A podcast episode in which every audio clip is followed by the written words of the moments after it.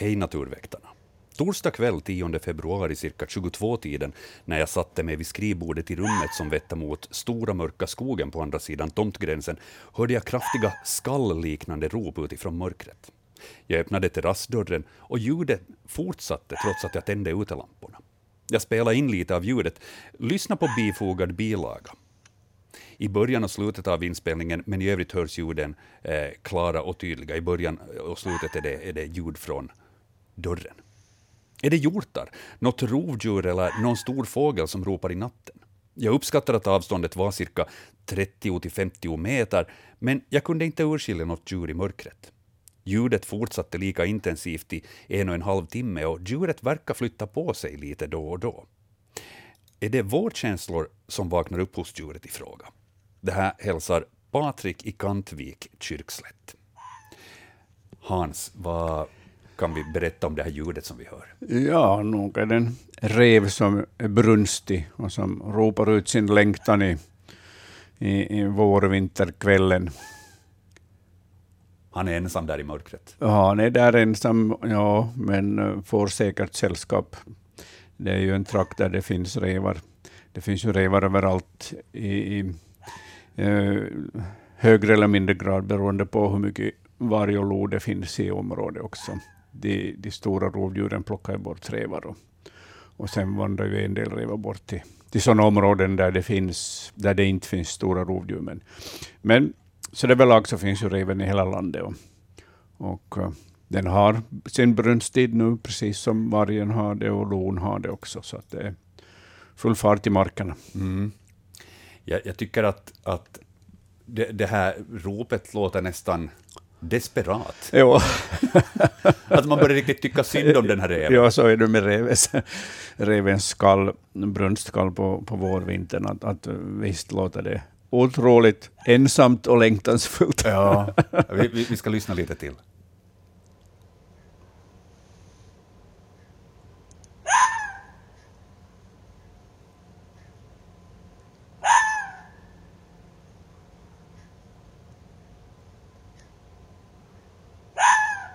Ja, mm. vi, vi, ska hoppas att han hittar en partner där, för att ja. så där kan han ju inte hålla på. ja. Eh, det, det, där får man väl se som en, en form av vårtecken ändå?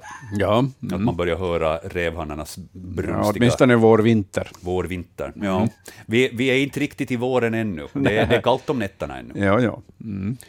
Hur, det, hur, definierar man vår nu riktigt? Det ska vara över plusgrader sju dagar i sträck eller någonting sånt där nattetid. Eller, jag, tyck, jag, jag, jag tycker jag har sett många olika definitioner på ja. när det är vår. Själv brukar jag definiera våren lite som att då det känns som det. Ja, precis. Då, då man stiger ut från jobbet och märker att det är nu ljust då jag går hem. Det brukar mm. vara ett sånt säkert vårtecken.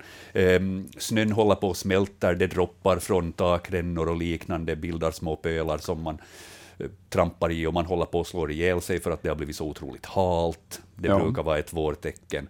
Um, min ömma moder såg en fluga igår ja. och upplevde mm. att det var ett, ett vårtecken. Det kanske det är. Ja. Um, så några sådana här, har du, har du märkt av några andra vårtecken? Ja, no, ljus, ljuset som har tilltagit avsevärt sedan vi senast hade uh, Naturväktarna-programmet, så det är ju fantastiskt. Menar, nu är det ju just på morgonen och på kvällen också, så att nu njuter man av det här och snart småningom har vi vår dagjämning då natt och dag är lika lång och sen vin, vinner ljuset helt ja. och hållet. Så att jag brukar räkna med att, att efter vårdagjämningen så tar våren över.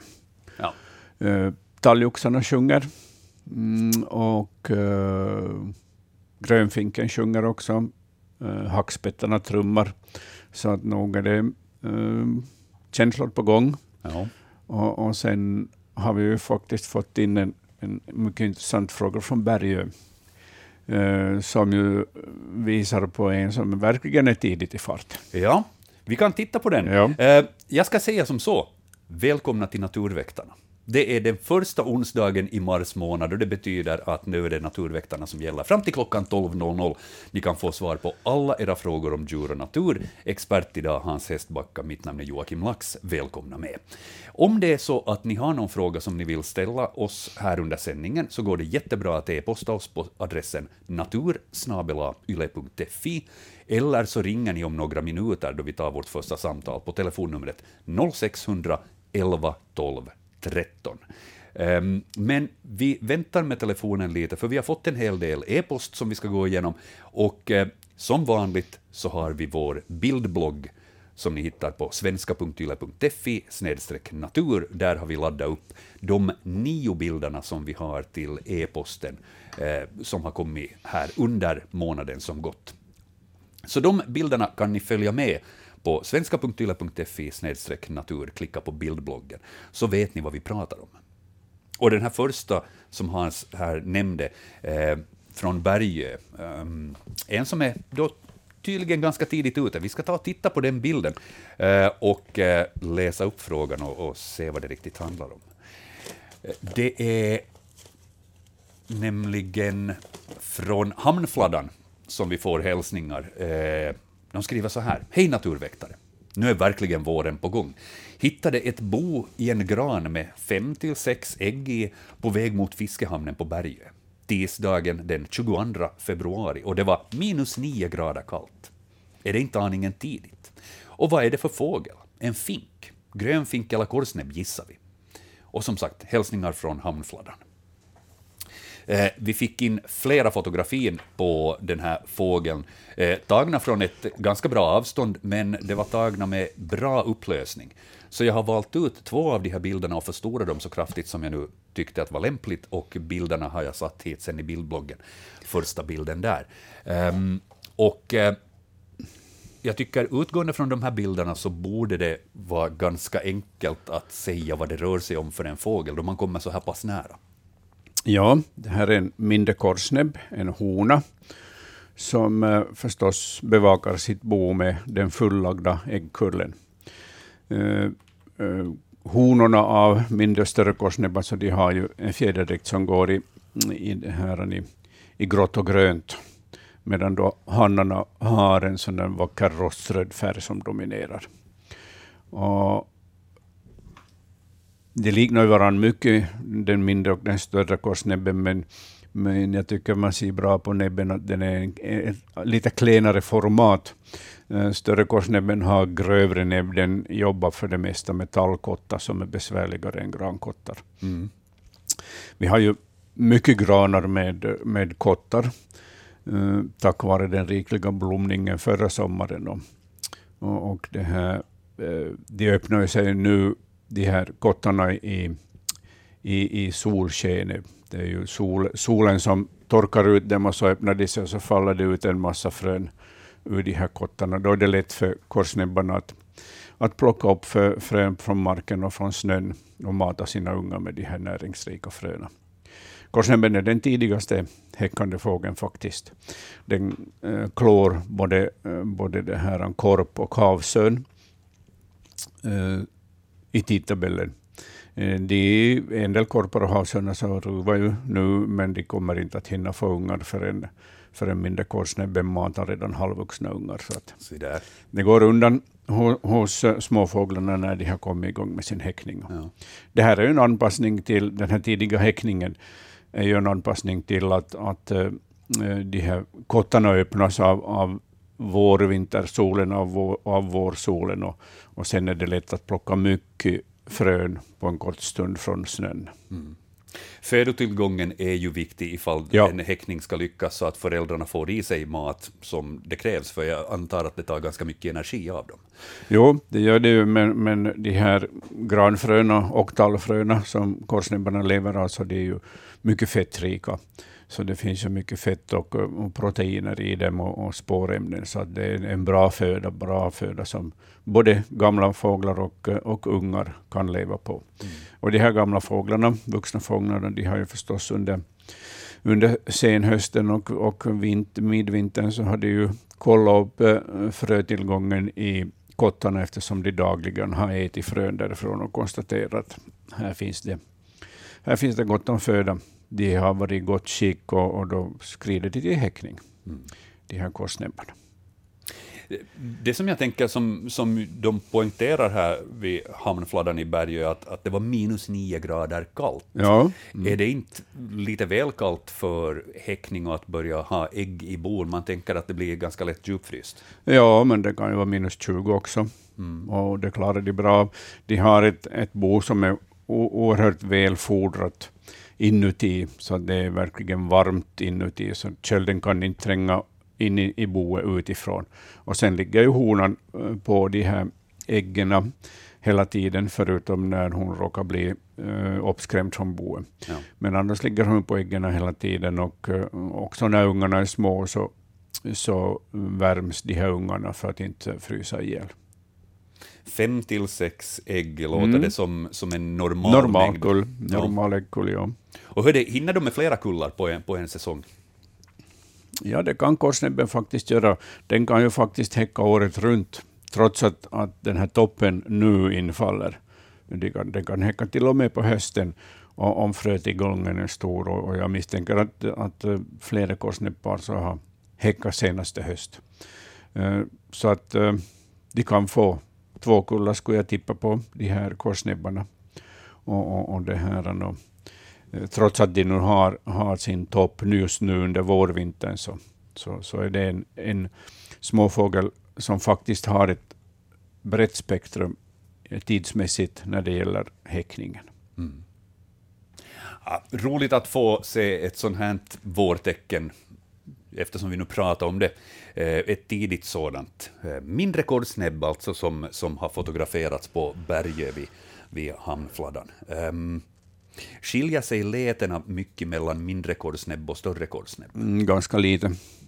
Man ska vara noggrann när man lyssnar till, till de här letena.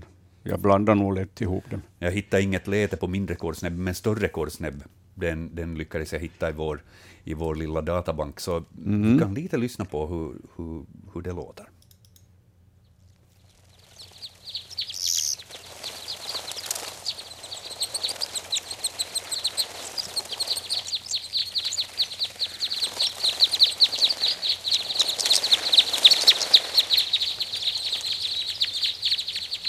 Här var det definitivt mer än en. Ja. Mm. ja. Korsnäbbljud känner man lätt igen i skogen när man är ute och vandrar eller skidar, men att sen skilja de här två arterna ifrån sig, så det är knepigt. Ja. Men eh, om man hör ett sånt här ljud, då kan man anta att det är antingen större eller mindre? Ja. Mm. Mycket bra. Eh, tack för den fina vårhälsningen med, med, med bilderna på kordsnäbben, mindre kordsnäbb, som ni alltså hittar som bild nummer ett i vår bildblogg, svenska.yle.fi natur. Eh, vi hade flera ljud som eh, vi har eh, fått frågor om. Eh, förra månaden, då var, det, då var det någon som efterlyste ljud, eller det, det, var, det var tal om, om hur hur de skiljer sig, de här ljuden, på, på rev och rådjur och, och vitsvanshjort. Ja. Att det är lite skallaktigt allihop egentligen. Vi hörde redan rev här i första frågan. Uh, men vitsvanshjort har jag tyvärr inte hittat. Det hade mm. jag som hemläxa, men där har jag misslyckats. Uh, men däremot så hittar vi nog ett ljud på rådjur. Och vi kunde lyssna på det lite ja. och, och, jämföra det med, med, med revens skall som vi hörde, revens lite desperata lockläte där.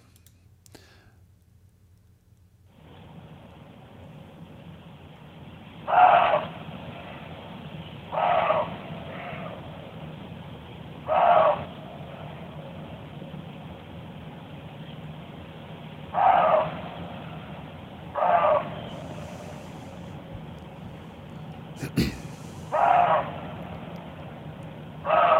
är alltså ett rådjur som, som skäller. Det är på något vis det, det är lite lägre i, ja. i, i halsen på något vis. Mm, lägre och lite grötigare och myndigare ja. än revens hesa skall. Ja. Eh, reven har ju sån, en sån där hes underton i, i skallet sitt. Mm. Uh, rådjur använder det här framförallt för att varna ja. för, för fiender.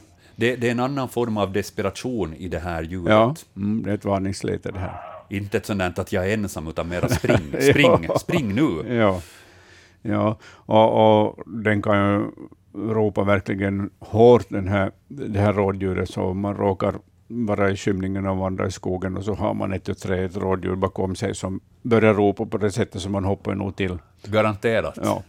Och att skilja då, en rev behöver man i och för sig inte vara rädd för. Nej, Den nej. är så pass liten och gör nog inte en, illa en människa om inte man verkligen sätter fingret i munnen på den.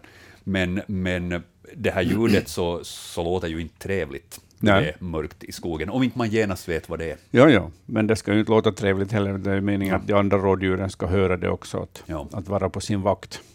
Och eventuellt så kanske det kan skrämma något rovdjur också. Ja, och sen får ju rådjuren eh, reda på att jaha, jag är upptäckt. Mm. Så den kanske vandrar vidare istället för att försöka sig på ett jaktförsök. Ja. Vi har ytterligare en ljudfråga som har kommit in. Eh, och här får man skärpa hörseln ganska noga. Det är Karina som har skickat in det här ljudklippet. Jag har försökt höja ljudnivåerna eh, lite så att man ska kunna urskilja det som vi ska lyssna efter. Eh, undrar kort och gott, kan det här vara en uggla av något slag? Och nu gäller det att, att eh, som sagt, öppna upp öronen ordentligt och, och, och lyssna noga.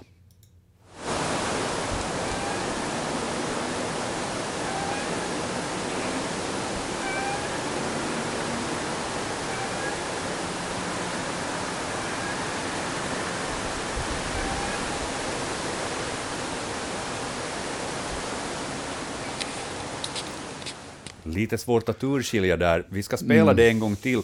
Eh, man ska lyssna efter ett, ett eh, ständigt återkommande äh, ljud. Ett gnäll. Ett gnäll som kommer med ett par sekunders frekvens. Lyssna på det en gång till.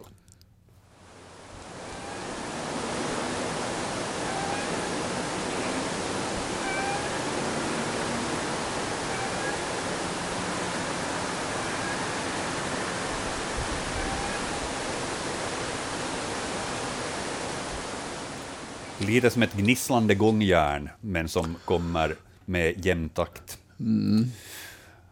Hon undrar som sagt om det där är en uggla av något slag. Mm, Jag tror inte. Jag tror inte att det är en uggla. Eh, närmast kommer jag att tänka på en, eh, en, ett lodjur, en hona. De har ju brunstig de också och går ju och springer omkring i markerna och, och, och ropar och gnäller och söker upp varandra. Möjligtvis skulle det kunna vara en lohona som lockar på en hanne. Det är en, en chansning, en gissning. Eh, längre än så kommer jag inte, men det här lät det är alldeles för mycket brus ja, som täcker över. Men kanske någon lyssnare har något gott. Det kan hända. Om, om någon har hört ett liknande läte och har teorier, hör av er. Vi tar gärna emot era tips. Skicka in dem på natursnabelayle.fi så får vi se ifall vi kommer lite närmare sanningen. Lodjurshona eventuellt, som också då i sin tur lockar till sig en partner. Det är inte bara revhannarna som är desperata. Ehm, Ja, kunde vara. Vi kunde har, vara ja. Vi har tyvärr inga andra, vi har varken tidsangivelser eller plats Nej. eller liknande heller som skulle kunna hjälpa oss här. Nej. Så Karina, ifall du hör det här, hör gärna av dig med tilläggsinformation så kanske vi kan på det viset lägga pusslet. Spännande Och- ljudfråga. Om det är på dagen eller natten eller kvällen eller morgonen och sådär. Exakt, tidsangivelser, platsangivelser, Mm. eh, eventuella avstånd och, och, och annat sånt här. Allt kan hjälpa. Men ehm, eventuellt lodjurshona lutar vi åt för tillfället, antagligen inte en uggla. Spännande frågor. Jag måste säga att jag är alltid lika begeistrad då det kommer de här ljudfrågorna. Ja, det är trevligt. det är, dels så är det radio, det är ljud vi jobbar med, men, men också det att, att det är roligt att se hur, hur Hans eh, skrynklar ihop ögonbrynen lite och, och försöker tänka till vad det kan vara. De är spännande. ja. Bra! Um, 0611 12 13, det är telefonnumret som man kan ringa ifall det är så att man vill ställa en fråga här i direktsändning.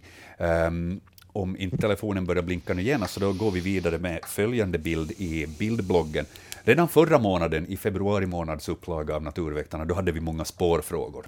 Eh, det här är en trend som har fortsatt, ett tydligt tecken på att vi har haft ganska mycket snö den här vintern. Så det är många djurspår som syns. Jim har skickat in flera bilder här och han har haft måttbandet med sig också, det har ju varit tacksamt. Eh, han skriver så här. Hej, jag såg skymten av ett djur i kvällsmörkret i Vasa skärgård. När vi sedan kollade spåren märkte vi att det otvekligt var en järv. Stora tassar av mårdhundskaraktär och 180 cm språnglängd. Har inte hört om att järven kommer ut i skärgården förr. Är järvens revir större under vintern? Antar att det, det, den har svårare att hitta föda än under resten av året, hälsar han. Och eh, tre bilder har jag satt hit i bildbloggen. Han skickade in eh, några till, men, men jag tyckte att de här tre bilderna kan eventuellt hjälpa oss på traven tillräckligt. Eh, mittersta bilden, så där har vi ut måttbandet rejält utdraget för att få se den här, den här språnglängden. Och som sagt, 180 centimeter, det är en, en lång språnglängd. Jag, jag gjorde ett försök att hoppa jämfota här i korridoren och, och kom väl mm. nästan till 180 centimeter ifall jag, ifall jag plussar på lite. Det, det är svårt att förflytta 80 kilo först vertikalt och sen också horisontellt samtidigt. Mm. Um, så att uh, en ganska duktig språnglängd, det är det. Ja. Men är det här en järv som Jim funderar att det kunde vara? För det tyckte han sig ha sett. Ja. Eh, kommer järven ut i skärgården? På den frågan så kan vi svara otvetydigt ja, det gör den. Mm. Eh, nu när det, skärgården är isbunden, åtminstone här i, i, i Österbotten, men säkert också på många andra håll i, längs med vår kust, så, så det här vandrar ju djuren gärna ut i skärgården. Det gäller, gäller både varg och, och, och lo och järv. Och Järven har ju tidigare varit undanträngt i allra nordligaste och nordöstligaste Finland på grund av jakt och förföljelse, men den är ju ett, ett skogslevande mårddjur och, och, har ju spridit sig söderut. Dels så har man ju fångat in ett mindre antal järvar i, i renskötselområdet och, och, och planterat ut dem i mellersta Finland för att rädda deras liv. Eh, in, I renskötselområdet skulle de bli skjutna. Och dels så har ju järven själv, eh, precis som alla andra stora rovdjur, eh, spridit sig naturligt. Den vandrar ju långa vägar, den här järven. Den är en, en långvandrare av mått. Och, och precis som andra rovdjur så, så söker den ju upp nya jaktmarker också. Framförallt är det unga hannar som kommer först och sen kommer unga honor efteråt och så kan de etablera då en stam i, i, i till exempel skärgården eller i kustlandet. Så att, att se järv och järvspår i, i, i, längs med våra kuster i våra kustkommuner så är helt möjligt idag. Eftersom järven då har, har etablerat sig ända ner i, i södra Finland. Vad, vad har den då för vad ska vi säga, primärt bytesdjur? Eh, om den rör sig exempelvis här i, längs österbottniska kusten? Ja, no, det finns ju en massa vitsvanshjortar och rådjur. Det finns ett överutbud på dem, så att uh, en del blir ju ihjälkörda eller skadade i trafiken och dör sen inne i skogarna. Och järven äter ju gärna kadaver. Den brukar ju, men den är bra på att jaga själv när, när snön bär den tillräckligt bra, men inte bytesdjuren. Och till exempel rådjuret som bara har mm, klövar som är högst fem centimeter långa, så den sjunker ju ner i sån här snö medan järven kan breda ut sina tassar och, och, och det här springa i fatt eh, eller genskjuta e-, ett flyende rådjur. Så det finns många naturliga bytesdjur och, och rådjur är ju ett, ett bra byte mm, både för järv och för lo. Litet, behändigt att hantera och sånt där även vitsvanshjortar går bra att hantera, speciellt fjolårskalvarna. Mm. Så nu finns det ju bytesdjur. Plus sen att det finns harar och rävar och mårdhundar och sådana mindre djur. Ja. Så det, det, är helt möjligt att se järvspår och järv i, i, i skärgården. Uh, den simmar ju bra, så den kan ju, kan ju också finnas i skärgården på sommaren, men man ser ju inte den lika lätt då. Nej. Men är det då en järv det här som Jim har fotograferat spår efter? Som han skriver, han eh, kollade på spåren och, och såg skymten av det här djuret och eh, tyckte utgående från det att det nog skulle vara en järv. Mm, mm. Hittar vi någonting i de här spåren som skulle stödja det att det nog verkligen är en järv? Ja, de här, den här vänstra bilden och högra bilden, mm, vänstra bilden så där har vi ju uh, tassavtrycken på skare med lite snö på. Och den högra där har ju det här djuret trampat genom snön. Och ganska bra passade in på järv, de här uh, båda bilderna. Mm. Sen den här mittersta bilden med, med så här oerhört långt språngavstånd, så det, uh, det är visserligen snön är inte så djup här, om jag kan tyda det rätt. Ja, nej, den, den är några centimeter. 20, 20 centimeter högst har ja. här djuret sjunkit ner. Ja. Uh, I skrämt tillstånd, jagat tillstånd, så kan ju järven ha långa uh, språngsatser.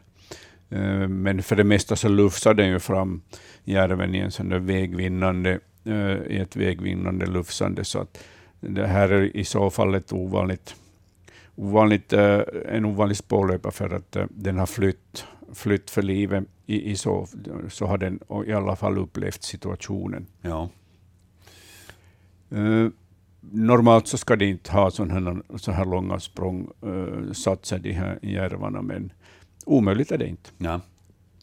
De, de, de är lite kortare, så här, ja. det som man normalt ser ifall, mm. ifall en järv har lufsat iväg med ja. fart. Ja, men, men jag tycker, jag har ju sett lite järvspår i, i skärgården själv också på, på vintern, och, och speciellt vänstra och högra, högra bilden så, så passar in på deras spårstämplar. Vi noterar det här som järv mm. och konstaterar att ja, de kommer ut i skärgården mm. och eh, så, kom, så kan vi helt enkelt titta vidare på fler spår i snön här alldeles snart. För vi har dagens första samtal på tråden. Vi får säga god förmiddag, välkommen till Naturväktarna. Ja, det var Krista Mellberg här, hej. Hejsan Krista. Det här, eh, vi har en lite ovanlig observation tycker jag. Vi tänkte först att det var en råtta som satt på den här, liten råttunge som satt på den här korven som, ja. som vi har åt fåglarna. Mm. Och, och det här, det var lite sådär skumt då så man såg inte, såg inte riktigt vad det var. Men, men nu sen på dagen så, så på eftermiddagen så kom den och klättrade upp längs uh, hörnet på Eh, eh, hörnet på vårt växthus och mm. klättrade fram till korven och gick dit och smakade på den. Och det här, vi, jag såg då att den var vit på bröstet och hade lite brunt päls och lång svans och stora öron och, och tänkte att den, det är säkert en större skogsmus. Mm. Och jag, jag undrar, är de, är de vanliga här här i trakten. Jag har aldrig sett en sån förr. Varifrån ringer du? Från Sundom. Sundom. Ja, den finns, den större skogsmusen, i, i, i våra skogar. Så ja, att eh, ja. det passar bra in och, och de smågnagarna lär ju sig, lär ju sig faktiskt att besöka sådana här matningsplatser och, och det kan bli ganska mycket, mycket små, fågl, äh, smågnagare på ett sådant här område. Eh, om inte det kommer någon uggla eller katt som, eller hermelin som börjar jaga de här smågnagarna. Ja, jag satt uh, hinder för den också, att den inte skulle komma till den där korven, men att den hittade sen på att den, den klättrade upp i en syrenbuske och hoppa ja. till den här korven, så jag tänkte att den får hålla. Ja, ja, det är nog smartare än vad vi tror, de här, eh, de här smågnagarna. Och det är väl ganska oförargliga. Visst är det det, ja. ja. Större skogsmusens uh, utbredning går ungefär upp till Karlebytrakten. Jaha, mm. Nå bra, ja. Ja, no, jag tror den får fortsätta. ja. Precis, ja. Större skogsmus, är det någonting som, som gärna letar sig inomhus? Ja, du, du nämnde växthus och, och, liknande. Är det någonting man behöver passa sig för där, Hans? No, de kan ju till vintern söka sig in för, om, om inte de hittar tillräckligt mycket föda ute. Jag tror att den bor eh, i källaren där vi har oljetanken. Ja, mm, Det, det verkar, verkar som det skulle komma därifrån. precis. Mm. Men i, inte en råtta i varje fall, och då känns den avsevärt trevligare. Ja, ja. För många. Jo, nej, det så riktigt trevlig ut. Ja. Mm. Men bra, hör du, tack för samtalet och uh, ha det gott i Sundom. Nå, tack själv. Bra, tack så du ha. Hej. Tack, hej. Hej. Ja, det kan ju lätt vara så att man, man kan se fel på en, en mindre råtta, just en råttunge, och en större skogsmus. För jag antar att i, i storlek så, så är de då ganska nära varandra och båda har en ganska lång svans. Ja. Mm. Men just det här vita bröstet så är väl kanske det som, som skvallrar klart och tydligt om vad det rör sig om. ja, sen har den ju ett näpnare ut, utseende, den här stora skogsmusen, jämfört med en råtta, Ja. tycker jag. Ja. Ja, och det, och det utan att det är disneyfierat, så, så kan jag väl hålla med om att, att, att en, en, en skogsmus kan se näpnare ut. Jag, Ja. jag tyckte det var en bra beskrivning. Vi håller oss till den. Um, där är första samtalet för dagen. Och eh, fortsätt ring in 0611 12 13 ifall det är så att ni har en fråga ni vill ställa Hans här i sändning. Eh, vi har fått en kommentar till eh, mm, det här ljudet och eh, eh, det är Karl Johan som eh, nog håller med Hans här. Karl Johan kollade ett hornläte på Youtube, mycket likartat läte som hade snäppet tätare rytm, men nog så lika vårt ljud. Eh, det måste ju vara det här, eh, det här som Karina undrar ifall det är en uggla, men du hade en teori om att det kan röra sig om en lodjurshona. Ja. Eh, Det är nog det som, som Karl Johan på det viset bekräftar här också, att det låter som en, som en, vad ska vi säga, en trolig gissning Ja. som småningom börjar närma sig dagens sanning. då vi får det bekräftat från flera olika håll. Och det är bra. Eh, vi har fått eh, fler eh, spårfrågor som vi ska titta på, som också finns här i bildbloggen. Um, järv hade vi här i förra frågan. Ehm, här är det Gitta som har skickat in flera olika spår plus en annan fråga också. Vi, vi börjar med de här spårfrågorna. Ehm, det är nämligen två stycken bilder på tassavtryck. Ehm, till vänster har vi en bild med en nyckelring invid avtrycket. Eh, den bilden är tagen 31 december. Spåret löpte ett och ett i en linje längs en åker och avtrycken var stora. Och Gitta undrar ifall det rör sig om en varg där. Den andra bilden med en handske på, den till höger, så är från 20 februari.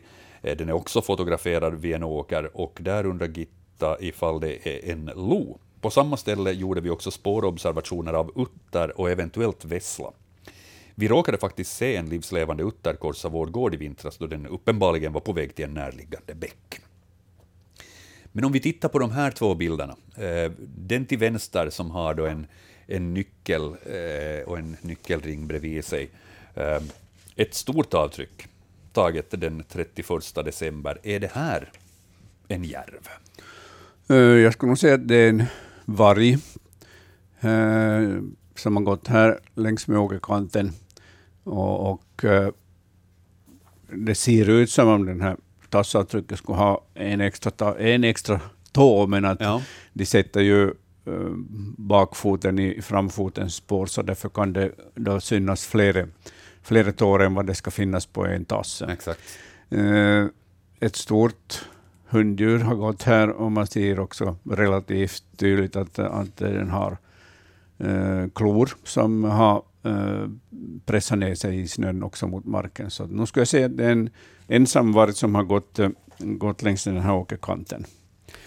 Det här, den här spårlöpande, det, talas om att spåret löpte ett och ett i en linje längs en åker, Ja. eh, vilket ju då tyder på, på varg. Eh, Gör järven ett liknande spår, eller skiljer de sig där? Mm, jo, nej, mm, järven har, har aldrig eh, en sån där spårlöpa som ett pärlband. Ett och ett som, som varg och lodjur och, och rev har ofta. Utan järven galopperar ju, lufsar fram på snön, så den, man, man ser de här fyra, fyra tassavtrycken som, som är ganska samlade. Och, och, och den springer hit och dit och snusar på allt möjligt. Så att en järv är det inte frågan om, utan nu är det, mm. nog, nog är det säkert en ensamvarg som har gått här nog.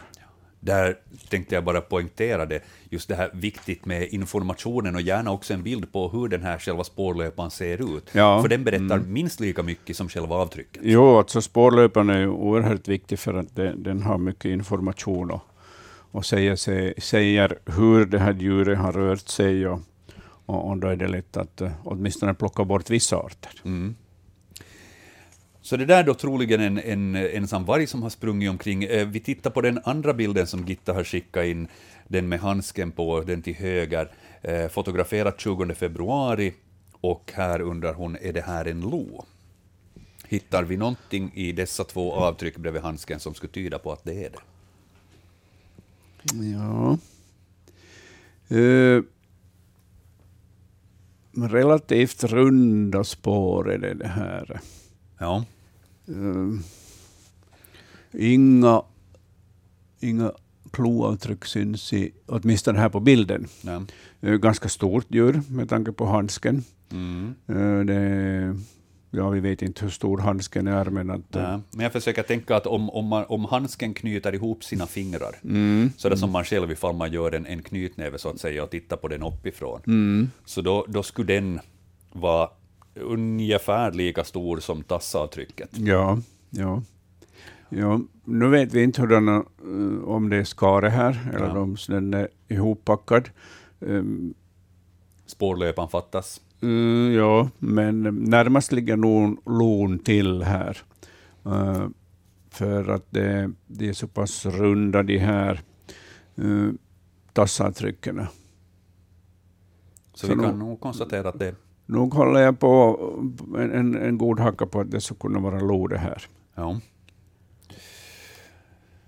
Då får vi notera det. Varg till vänster, lo till höger där mm. på, på Gittas bilder. Hon har en till bildfråga som eh, vi får ta och titta på här. Vi har telefonen som blinkar. Vi ska kolla ifall eh, vi tar ett samtal här först. Vi säger god förmiddag, välkommen till Naturväktarna. Ja, Christian Rosenberg, hej. Hejsan.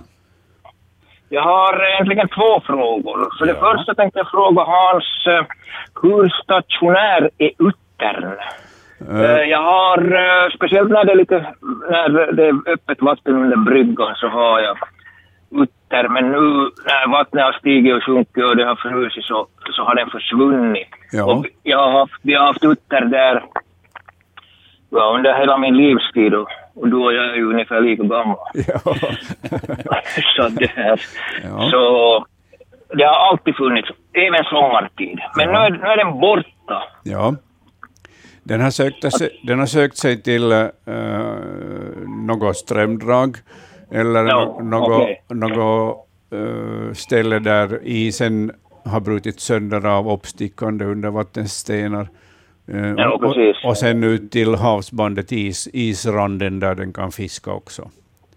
Men flyttar den sig så långt, eh, ja, om du tänker ja. från insidan av Kaskö till, till det där yttre? Där finns ju nog ström, strömbroar ja. och strömställen. Så att. Ja, den, den flyttar sig långt och, och, och speciellt en utterhanne så kan ju faktiskt ha ett revir som är 10 kilometer långt, och, så den kan, den kan springa många kilometer varje natt om den vill. Okej. Okay. Uh, eh, sen den andra frågan. Uh, två gånger nu på en kort tid, senast i fredags på kvällen, ja. ett, hjälp, ett hjälp, hjälpskrik uh, som om någon skulle bli snörpt.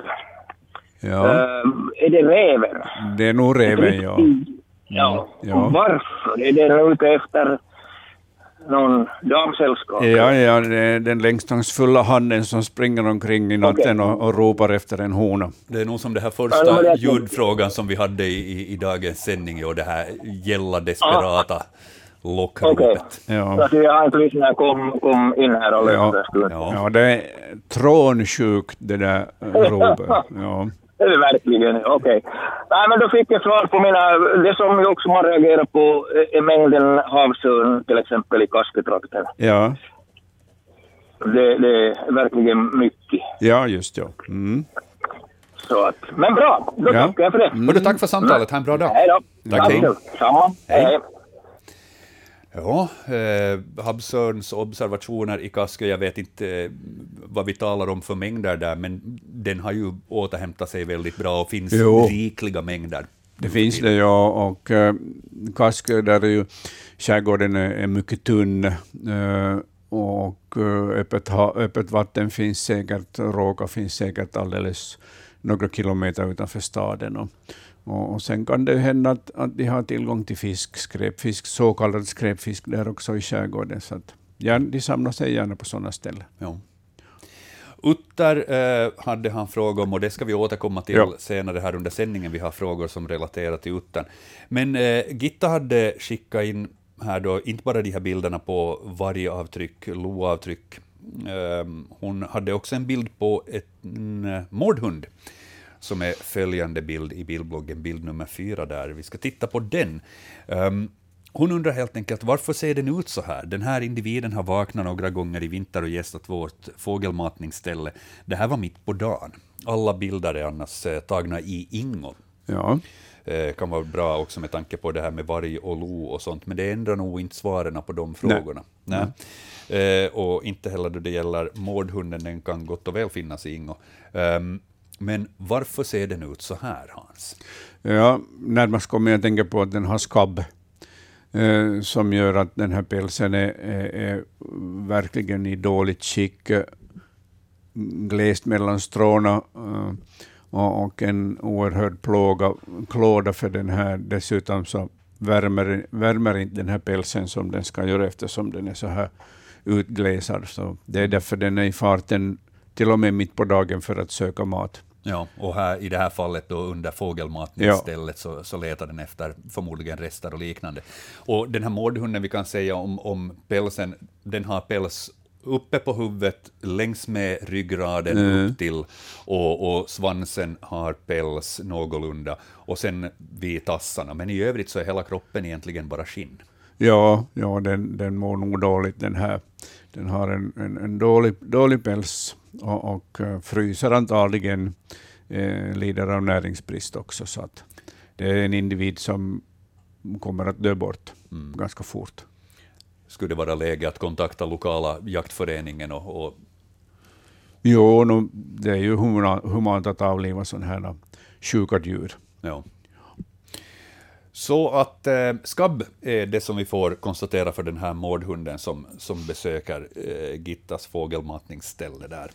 Det är ganska tydligt med, med hur pälsen har, har lossnat och var. Ja, mårdhunden har ju en otroligt tät och, eh, och vid eh, vinterpäls, så, man ser nog att här, här fattas nog åtminstone hälften av pälsen, hälften av, av de här värmande stråna. Ja. Ja. ehm, vi har eh, fått in en sån här e-post som jag tänkte vi kan ta och titta på fram och Ja. som inte har någon bild, Mm. eh, men det är Torbjörn som eh, skriver förlåt, Lars som skriver. Eh, Så för några dagar sedan långhalsade stora fåglar som flög mot Långträsket i Esbo, Vanda. Tror det var tranor. Kan det stämma? Skulle tranorna vara på väg? Oho. Eh, jag har svårt att tro något sånt. För några dagar sedan, vi talar om sista dagarna i februari, I februari, ja. Mm. Låter det tidigt? Det låter nog eh, alldeles för tidigt, ja.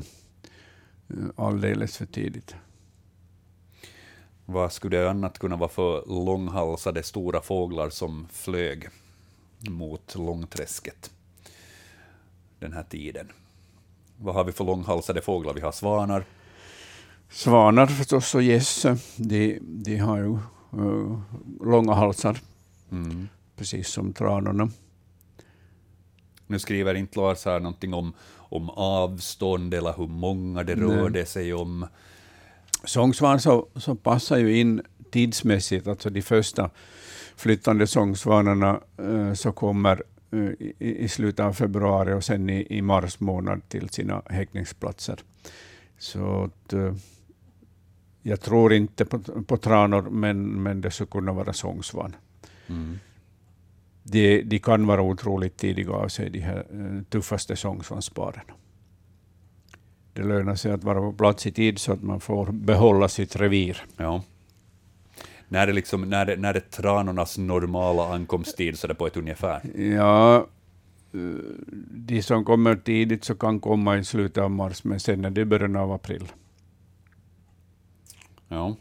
Så det, det, det, de låter nog vänta på sig lite innan Ja, de de låter nog vänta på sig, tranorna. Det är klart att, att undantag händer. Ja, Det kan ju hända att någon har orienterat lite fel eller bara tittat fel i kalendern och tyckt att nu är det så pass varma vindar så nu, nu åker vi. Men, men det är kanske inte, inte så. Var håller tranorna till liksom den här tiden på, på året vanligtvis? eh, Frankrike, Spanien, Nordafrika, eh, Ungern, kring Medelhavet. Mm. Ja, Så att de, de, de ska nog inte vara, om inte det har hänt några stora förändringar, så ska de nog inte komma ännu. ja. De har inte möjligheter att, eh, att, att finna någon föda heller den här tiden. Men en intressant fråga Ja, och eh, ja. värd att följa upp eh, ifall vi får in fler rapporter, fler, eh, fler observationer, så då får vi följa upp det där och kolla att är det så att det, det är tranor som har dykt upp ovanligt tidigt för året. Ja, nej, jag tror nog det är sångsvan som har dykt upp. Men att eh, Mm. vi, vi tar emot mer observationer. Ja, Eh, de här tranorna skulle vara en månad för tidigt i farten och jag tror inte på det. Inte. det låter väldigt mycket Ja, nog. det låter väldigt mycket. Ja, men eventuellt sångsvan får Ja, vi konstatera mm. Förmodligen sångsvan. förmodligen. Ja. Då ska vi titta vidare i bildbloggen och se vad det är för bild som vi har efter Gittas mordhund. Vi har fler spår i snön som väntar. Eh, här har vi Jim, som tidigare också hade skickat bilder. Ehm, det här eh, är två stycken bilder med ett eh, litet, ganska så runt symmetriskt hål i snön och eh, spår som leder till vad ska vi säga, en liten sån här snöskräva där, där det här hålet finns. Och så har vi några tassavtryck också bredvid hålet. Han skriver så här. Hittade detta hål som är väldigt likt ett gryt på lesidan av en holme i Vasa skärgård. Finns det något djur som kan använda detta isbrott som till exempel tillfälligt övernattningsställe? Undrar han. ja, det finns faktiskt, faktiskt ett djur som, som kan använda sådana här, sån här igensnöade eller snöskyddade övernattningsställen. Det är utten. Ja, som, som ligger nära till hands här. Nu, nu vet vi inte exakt hur, hur stort eller litet det här hålet är, men eh, om vi skulle dra till med en gissning utgående från bilderna. ja, Vi talar om en, är det stort som en, en knytnäve? ja, det skulle man kunna säga. Mm. Jag, Eventuellt. jag, jag tror man får in en knytnäve där i det här hålet. Ja. Min knytnäve är under 10 centimeter. 9. Så att ja, det kanske rör sig om, om någonting sånt. Ja, jag, jag tror det är ute som har eh, har använt det här som överdagningsställe eller övernattningsställe. Många uttrar som, eller det finns uttrar som idag är dagaktiva. Tidigare när de jagades hårt utan så, så blev utan nattaktiv helt och hållet. Idag kan man ju se uttrar springa omkring eh, på isen på dagarna och, och fiska i, i, i strömdrag och sånt där. Ja. Så att antingen har den sovit här på dagen eller på natten. Och det här är säkert ett ställe som, som den känner bra till och, och som den kommer att återvända till så länge vi har vinter. De här spåren som finns här um, runt det här hålet, dels vi har två spårlöpor som kommer från lite olika håll. Uh, ungefär samma riktning så där i, stort, i stora drag, men ändå inte. Uh, och, och sen några tassavtryck vid hålet också. Är det, är det sånt som skvallrar om utter här? Ja, de här tassatrycken här vid hålet så är ju, så är ju ganska, ganska breda, breda utbredda så att säga. Och, och den har ju ganska utbredda, eh, utbredda tassar.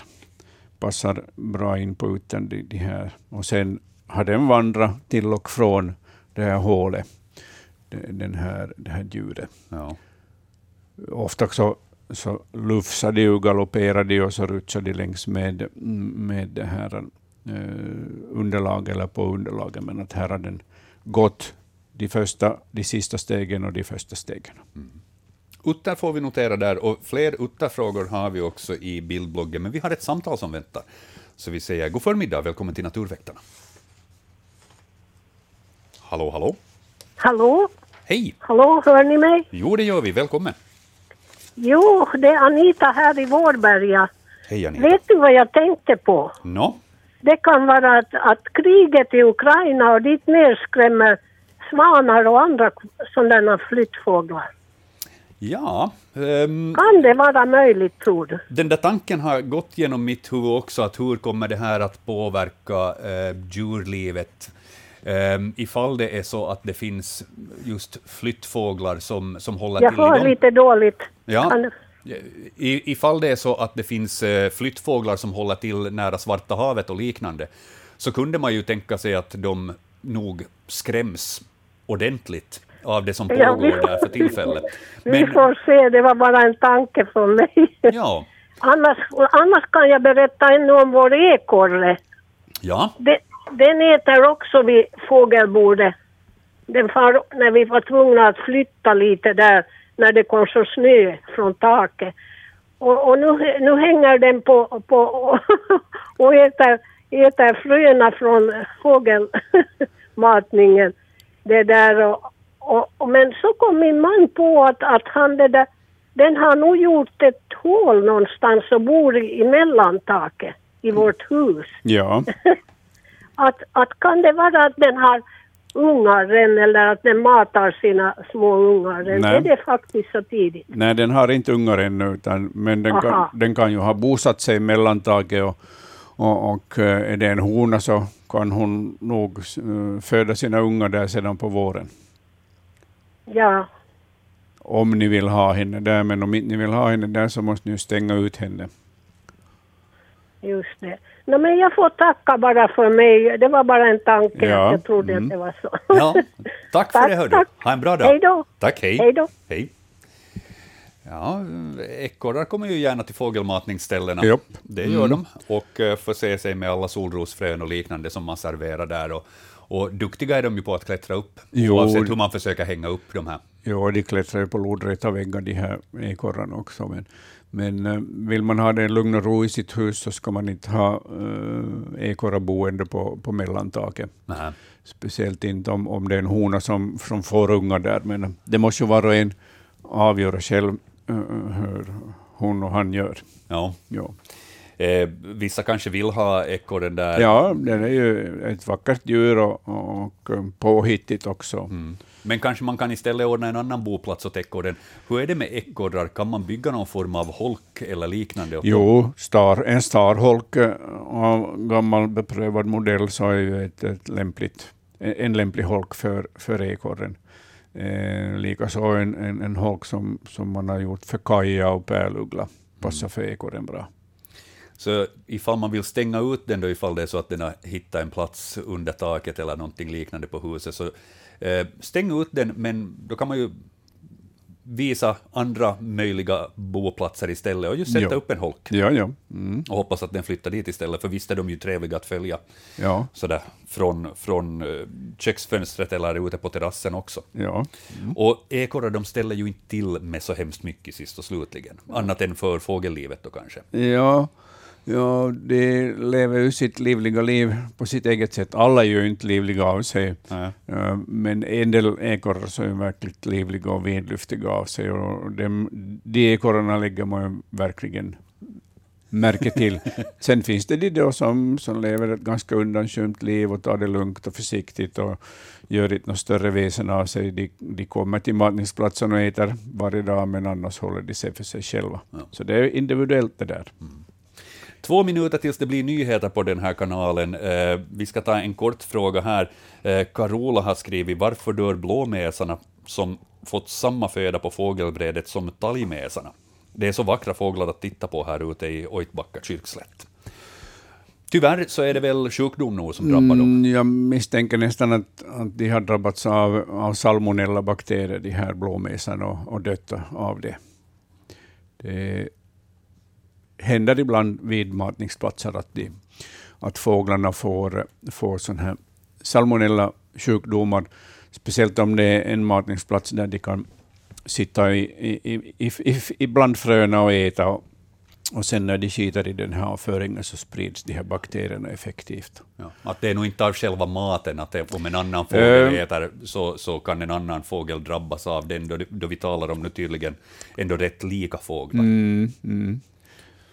Ja, no, alla, alla de här fröpartier så blir ju inte undersökta med tanke på gifter och salmonellaförekomst, så man kan ju inte utesluta det helt och hållet. Men, men matningsplatserna brukar äh, ge sådana här utbrott ibland. Mm. Det, det, samlas mycket fåglar på ett litet ställe och, och alla äter där och skiter där och, och, och, är nära varandra. Och sånt Och sen när det är milda perioder som nu, så då klarar sig de här bakterierna och virusen bra. Ja. Rekommendation där kanske att eh, tömma matningsplatsen och städa ur? Ja, ja det är bra att, att städa och, och hålla den så ren som möjligt. Ja.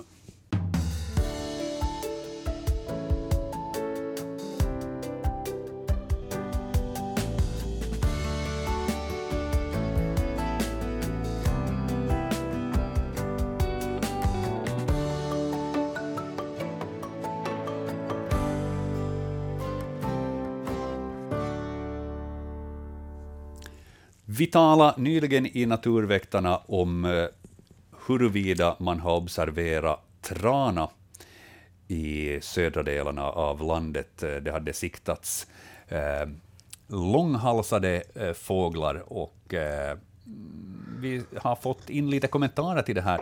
Eh, kanske gråhägar, den är strykfågel. Finns mycket tidigt, pendlar över till till exempel Estland och tidigt i sydkusten observerat i februari, det här skickade Karl Johan. Um, gråhäger, visst, den har också en lång hals. Ja, men när den flyger så har den indragen, äh, dragit in halsen i ett S, så att äh, det, ser, det ser inte alls långhalsad ut när den flyger, den här tra, äh, gråhägen. Mm. Oj då, ursäkta. Sen har vi en, en annan kommentar vi har fått här, som plötsligt omkullkastar allt vad vi har diskuterat här tidigare. Nämligen, eh, här är det Filip som uh, skriver, hörde på Naturväktarna angående tranor. De första tranorna i år har den 24 februari besökt Finnby gränd i Tenala, Raseborg. Uh, bild av spår av ett tranpar i isen. Och eh, själva tranorna är som sagt inte på bild här, men, men spår. Och om nu Filip har observerat eh, tranor i Tenala, Braseborg, och sen skickar de här bilderna på spår, så kanske man kan konstatera att det rör sig om tranor redan den här tiden på året. Eh, Hans kommer springande här för att titta på bilden som vi har fått, för han hade inte den på sin skärm. Eh, men om du tittar ser det där ut som transpår. De är mm, lite sådär, det ser nästan ut som karikatyrer av fågelspår, sådär trätåiga, eh, ganska långa. Ja, det är inga spår av trana eller häger, utan det är en simfågel som har gått, eller två simfåglar som har gått där. Ifall de är riktigt stora, de här spåren, så, så kan det vara sångsvan eller knölsvan som har vandrat på isen där. Mm. Ja, om man tittar noga på de här spåren så ser det ut som att det är simhud mellan ja. tårna, och det ja. har väl inte en trana? Nej, nej, nej. Så det är inte trana och inte hägerspår. Men eh, mm, och om vi bara utgår från spåren, så är det inte trana? Nej. Eh, men eh, tolkar jag Philips eh, e-post rätt, så kan det hända att han påstår att han nog har siktat trana? Jag tror han baserar det på spåren. Ah, Okej. Okay. Ja. Okay. Mm. Mm, spännande. Om vi får fler eh, observationer av möjliga tranor från södra Finland, eh, det återstår att se. Fortsätt att e-posta in hit till sändningen, natursnabelayle.fi, för det här kan bli lite av en följetong för den här sändningen. Ja. Spännande. Um, utter har vi diskuterat också här tidigare under sändningen, bland alla dessa spår i snön. Ja. Och eh, Barbro har eh, gjort eh, utterobservationer och hon har skickat in flera bilder också på utterspår. Och utgående från dessa spår så kan vi väl inte påstå att det skulle vara någonting annat än utter. Det är väl ganska mycket här som talar för att det är nog definitivt är det. Och, och Barbro har observerat de här uttrarna själv också. Jag ska läsa vad hon har skrivit. Ehm, Efter stormen kring jul hade vi den finaste spårsnö.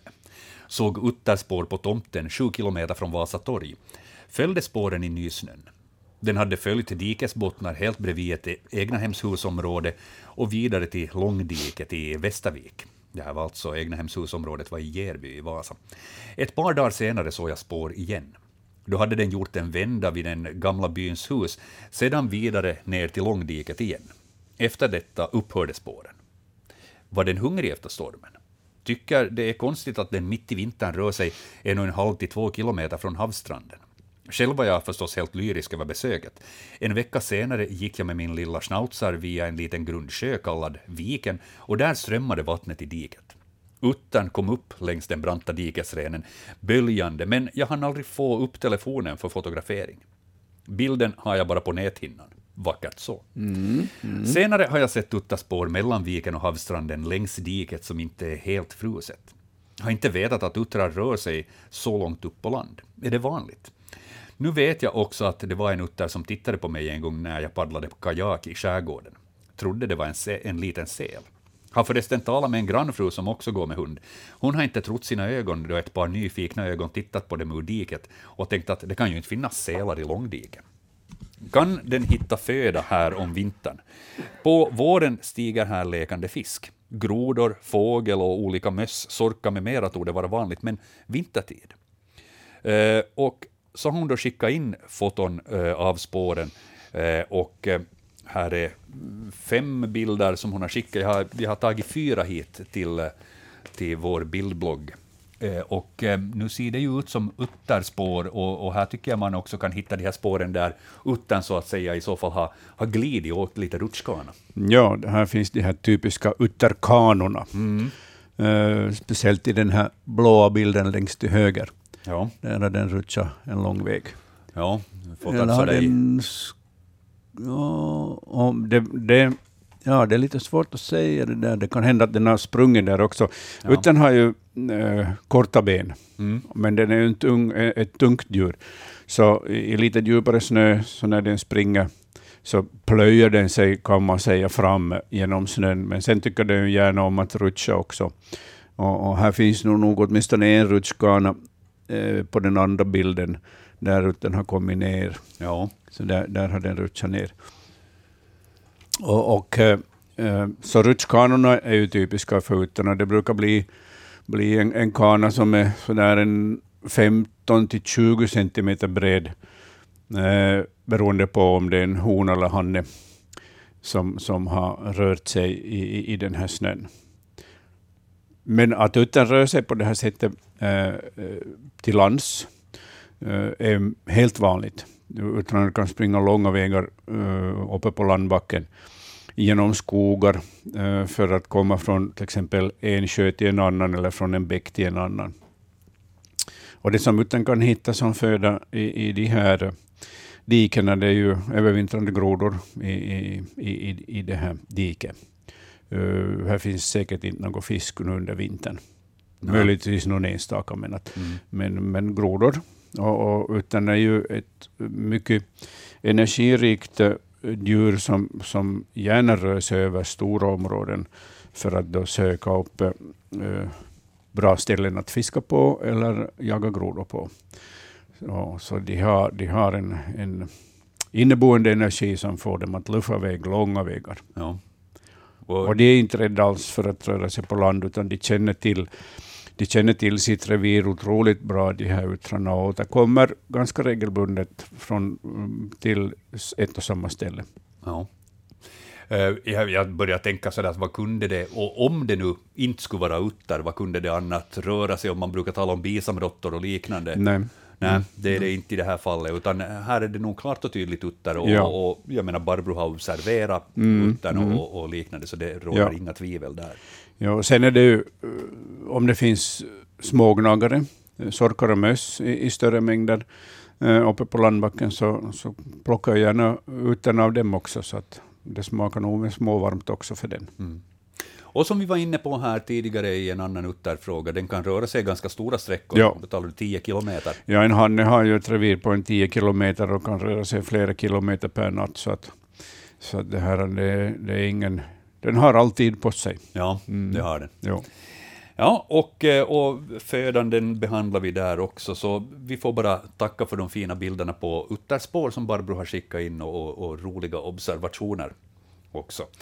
Eh, utter rörde sig nog om. Mm. Ja. Ehm, ja, vet du, här, här kommer det kommentarer angående det här tranobservationerna. Eh, vi ska titta. Här har det kommit mm, Mats Andersén i Sundom har skickat eh, observationer från Tira. ja. Eh, och eh, följande uppgifter har vi där. Bland annat så har det observerats eh, sångsvan i Vasa, Eh, både i Sundom och vid Söderfjärden, eh, sista dagarna i februari och eh, även första mars. Eh, så det har vi noterat där. Visst, sångsvanar finns på Söderfjärden. Och tranor har siktats i sydvästra Finland. Här har vi observationer från 24 februari, Nordendal. Eh, 27 februari, Jormo, Brändö. 28 februari i Masko. 28 februari i Rusko. Och i Åbo första i tredje och i Taivassalo första i tredje också. Så vi har tranobservationer redan. Det var som tusan. Exakt. Vi får bara konstatera. Nu, nu har det kommit så pass många observationer här, så det är bara att ge sig. jo, så är det. Tranor har siktats. Ja, Ja. Och eh, Johan som också tidigare kommenterade här, så han skriver tidigt är annat också då lärkor, tofsvipa har setts eh, och eh, det här var för, för två dagar sedan. Så visst finns tranor också. Ja. Eh, och eh, My skriver här, min man påstod sig ha hört tranor igår, första i tredje här i det står Sago, undrar om det ska vara Nago, jag kan Finlands geografi så dåligt. Trodde han hade hört i syne, men kanske inte. Först så kan vi diskutera, hör man i syne? Eh,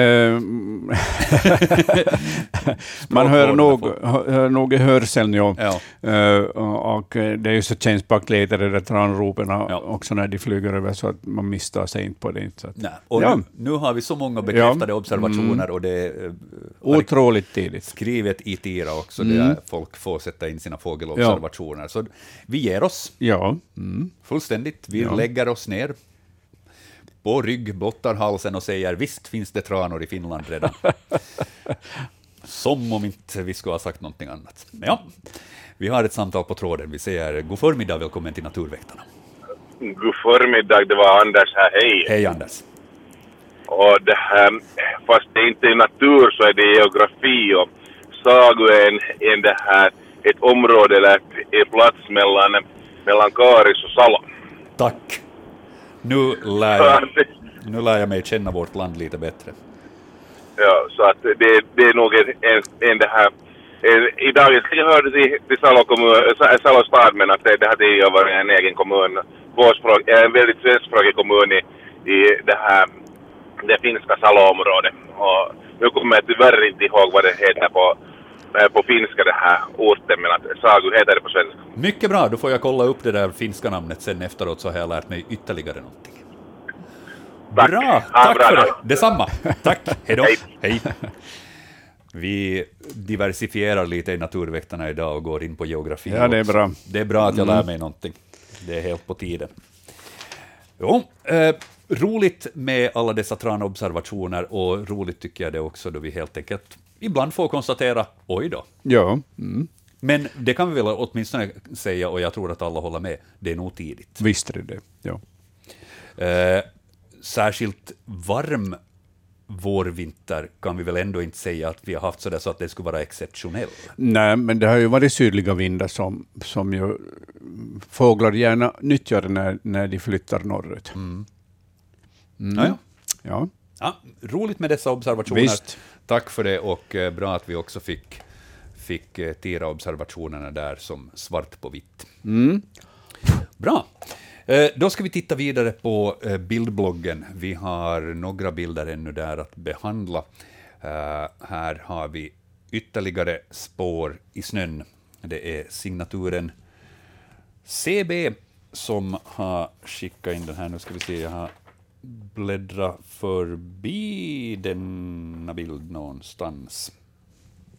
Där. Där ska vi vara. Eh, det är uh, snygga spår i vintrigt Jämsa, som CB skriver här. Uh, de är fotograferade uh, tredje i andra, alltså för en månad sedan. Men vem är det som har lämnat dessa spår? Uh, nu är vi inte ute på isen på det viset, utan vi har försökt lite titta på det här och det är väl ett dike, kan vi konstatera. Åtminstone ser det ut att vara vatten i bilden till, till höger. Ja. Eh, och så är det någon sten och så är det lite ris och det är dit som de här spåren samlas. Och dessa ska vi försöka tyda och komma fram till vad det har månne rört sig om för ett djur som har, som har skuttat fram här. Är det så att vi har flera olika djur som har rört sig här? För spåren är kanske lite av olika karaktär. Det är ett djup snö i varje fall. Djup, djup och lös snö, ja. ja.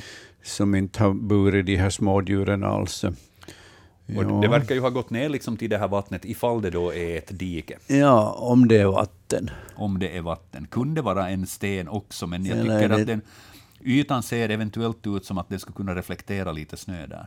Ja, just ja. Mm. Ja. Talar vi om utter här också? Ja, här, här, ser det ut jag, som att, att det är någon som har tagit skuttande ja hopp framåt. Då man, då man tittar lite, jämför, vi har lite, lite kvistar av, av uh, björkplantor som sticker in i bilden här, mm. i, den, i den här högra bilden. Och sen i den vänstra bilden så har vi, uh, går det spår av några mindre djur till vänster. Ut ur bilden och så kommer det uppe i, i, i vänster, vänsterkanten vänstra hörnet så kommer också, jag tycker de, de här spåren som är så här lite otydliga och, och par spår på snön, så det är smågnagare som har sprungit där. Ja. Till exempel åkersorke, eh, skogsmus. Eh, och sen det här spåret som kommer från den här, det här diket eller, eller vad det kan vara. Så, och, och eh, så det, det är som ett par spår av ett mårddjur som, som har uh, hoppat i den här snön. Det skulle kunna vara hermelin eller mink, mink kanske som har varit och, mm. och, och jagat jaga det här smågnagare i, i det här diket eller stenskravle eller vad det är mm. som vi har på bild här. Ute tror jag inte på, nej, jag tycker det är alldeles för smått. Minken eh, kan ju bra trivas i vatten, ja. eh, men hur är det med hermelinen? Nej. Nej. Nej. Så jag tänker, ifall det där är ett dike... I, ifall det är ett dike så, så, så ligger ju minken då närmast till hands som den jägare som har sprungit här och, och lämnat efter sig de här spåren. Eh, diket kan också förstås vara tillfruset så att det är en isyta. Och, och, och, ja. Men det, det, vet vi inte säkert det där. Nej, det blir spekulation. Det blir spekulationer och, um, vad som gäller egentligen i diket. Så jag skulle tro att, att de här spåren som, som går till vänster i bilden, det är några smågnagare och sen är det då mink eller hermelin som har varit på jakt här. Ja, det låter troligt. Det där får vi notera och jag kommer att skriva in det i bildbloggen här efter sändningen, så kan man gå och kolla vad det är riktigt vi kom fram till. Telefontrådarna blinkar frenetiskt. Eh, vi säger... Ja, där, där hade någon hade lagt på där. Då, då väntar vi igen ifall samtalet dyker upp på nytt. Eh, där. Vi säger god förmiddag och välkommen till Naturväktarna. Ja, hejsan, det här är Birgit Palmgren. Hejsan. Det, det var någon som preciserade sago, Sagos läge och det kan vara att det finns ett Sago där, där han nämnde men den mest bekanta sago som finns mellan eller norr Chimito och öster om Pargas och heter Sauo på finska. Sauo på finska och du sa ja. Chimito och Pargas? Norröver, norröver Chimitolandet och, och sedan då öster om Pargas. Mycket bra. Sö, söder också om, om, om Pemar. Jag tror att det hör till, hör Pemar kommun nu för tiden. Men det kan vara att det finns någon sago också mera österut. Jag tycker att det låter som att jag har mina semesterplaner klara för mig. Jag, jag, ska, jag ska resa runt i Finland och leta upp platser som heter Sagu så att jag lär mig. Ja, precis exakt. Det är en vacker kommun. Låter bra! Jag, jag, ser det där som en in, jag ser det som en inbjudan att besöka orten. Kiva. Ha det bra. bra, tack ska du ha. Tack, hej! Tack, hej, hej. Hej. hej, hej. Ja, alltid lär man sig. Okej, eh, det kan ju gott och väl hända att det finns flera orter med samma namn, så vi, vi, vi lämnar det. Eh, och så ska vi se ifall det i e-posten dyker upp fler kommentarer. Jo, det gör det faktiskt. Jaha. Eh, här, Sago kommun ligger mellan Kimito och Pemar, Sauvo på finska, det får vi bekräftat där av My som hade skrivit. Och, här får vi också lite mera preciserat Åbolands östra skärgård gränsar till Kimitoöns kommun, Salo, Sankt Karins och Pargas. Bra, tack. Det var geografiandelen i Naturväktarna. Eventuellt så här långt. Vi har dryg halvtimme på oss. Vi kan, vi kan snubbla på många geo- geografifrågor här Ja. ännu. Eh, ett till samtal har vi. Vi säger god förmiddag. Hallå, Hallå, hallå. Vem är det som ringer? är det Naturväktarna? Jo, det är det. Det här är, vänta jag ska se. Det är Hillevi från Västra Vanda här, hej. Hej Hillevi. Det gäller fågelmatning. Ja. Att hur förhåller sig naturväktarna till det här mata fåglarna? Vissa säger att man inte ska mata för att det hämtar råttor. Vi har nu mat, vi bor i egnahemshus. Ja. Och, och vi har nu matat i flera år. Vi har ett fågelbräde som, och korvar och, och, såna här andra bollar. Och vi har inte haft några råttor. Men, men, men, men vad säger ni om det? Och sen att när ska man i så fall sluta mata dem? Ja. ja, visst ska man mata småfåglar. Eh, dels så har man ju oerhört stor glädje av att ha fåglar eh, in på hemknutarna och, och sen klarar sig de övervintrande fåglarna bättre genom vintern. Eh, på vissa ställen så dyker det upp råttor, för det finns ju råttor. Råttan är ju, råttan är ju människans ständiga följeslagare. Så på en del fågelmatningsplatser så, så passar råttorna på också att förse sig av det här utbudet. Eh, men eh, jag tycker inte att det ska hindra en att, att man matar, speciellt om man har ett egna, egnahemshus med egen gård, så bestämmer man själv hur man gör. Och, och, och sen eh, kan du mata, mm, jag skulle säga hela mars månad till slut, om inte det blir ovanligt varmt eh, så att uh, eh, vi har plusgrader hela tiden och, och snön smälter bort, då hittar ju fåglarna mat på marken också. för att eh, uh, Plusgrader dygnet runt och, och, och barmark så betyder också att de här sjukdomarna lätt sprider sig, så att uh, då kan man ju sluta redan i mars månad om det behövs. Jo, hur, hur, vad säger ni sen om det där att om man nu sen då skulle sluta mata dem i nästa, att man inte skulle liksom fortsätta med det? Att inte mata i nästa år just på grund av den här, den här rädslan för eventuella råttor. Hur, hur förhåller sig det där fåglarna till det? Eller kommer fåglarna att komma ihåg att de kommer på nytt till samma plats som de har varit?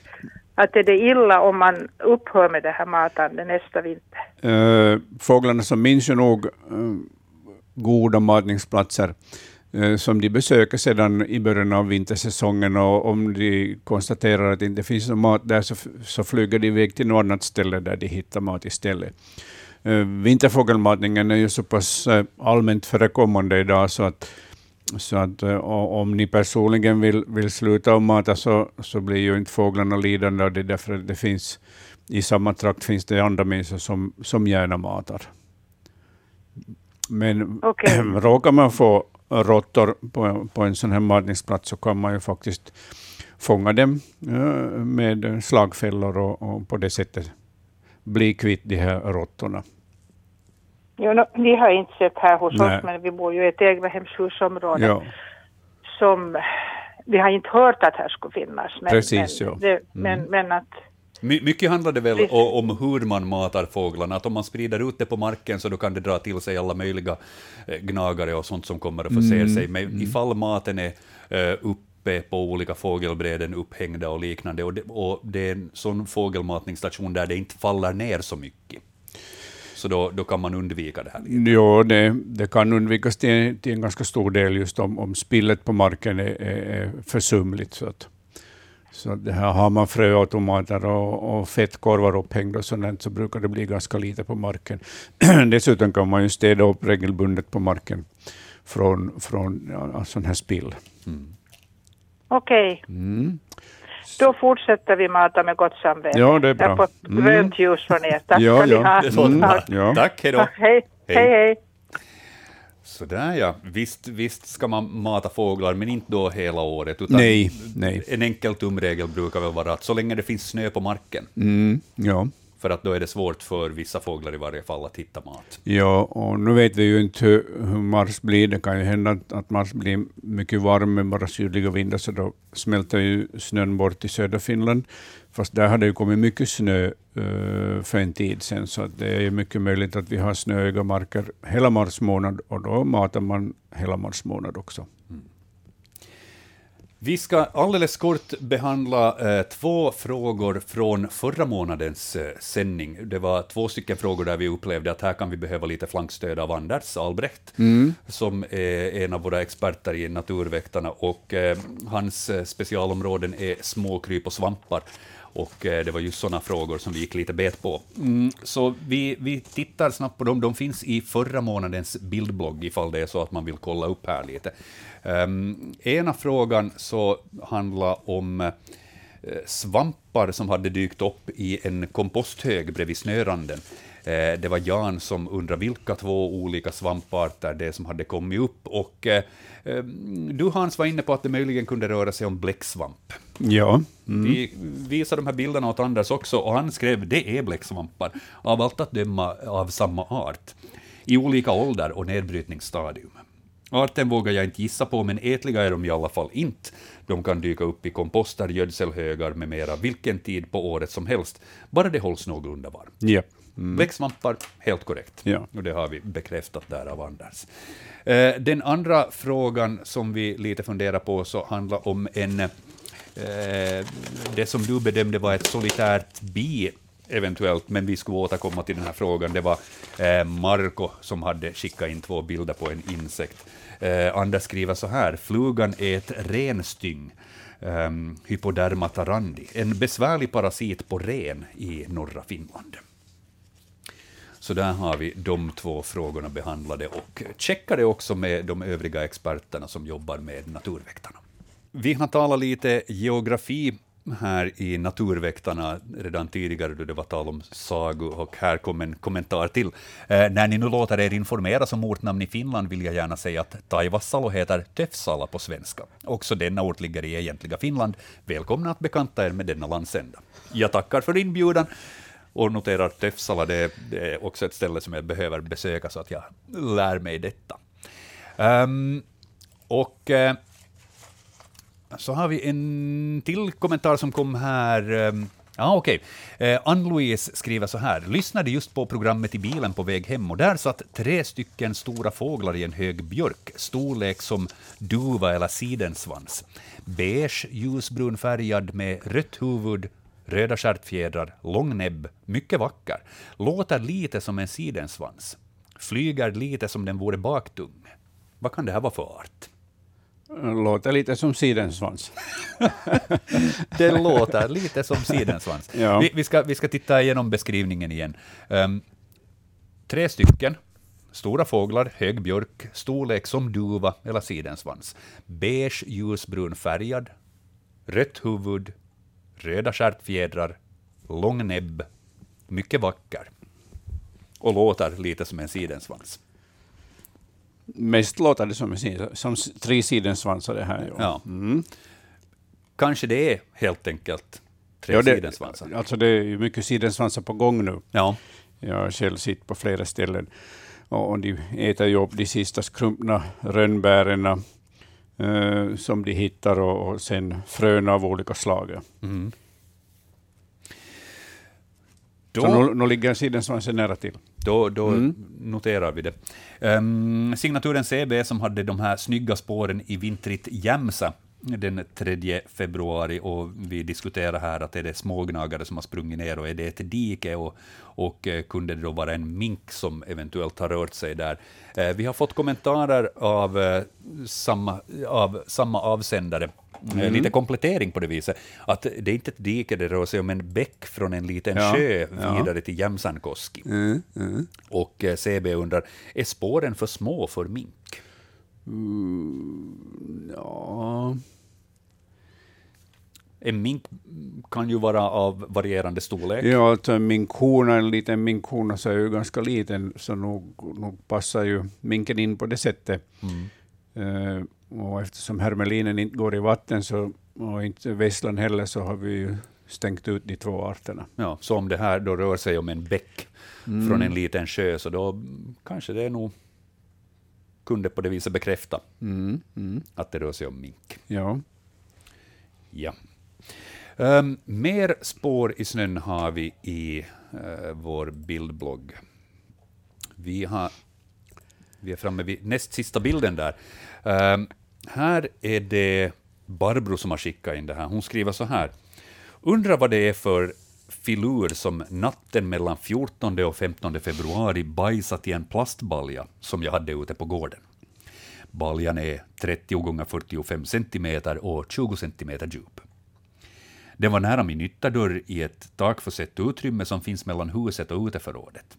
Lite bajs fanns också utanför baljan.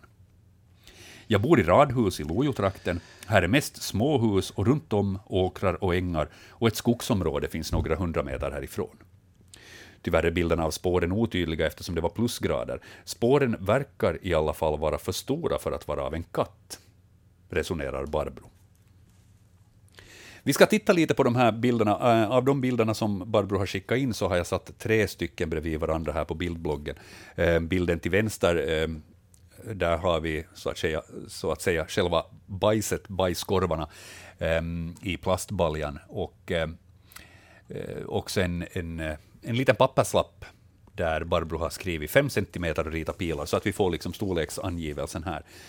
Um, sen har vi två stycken bilder på dessa spår som finns i närheten.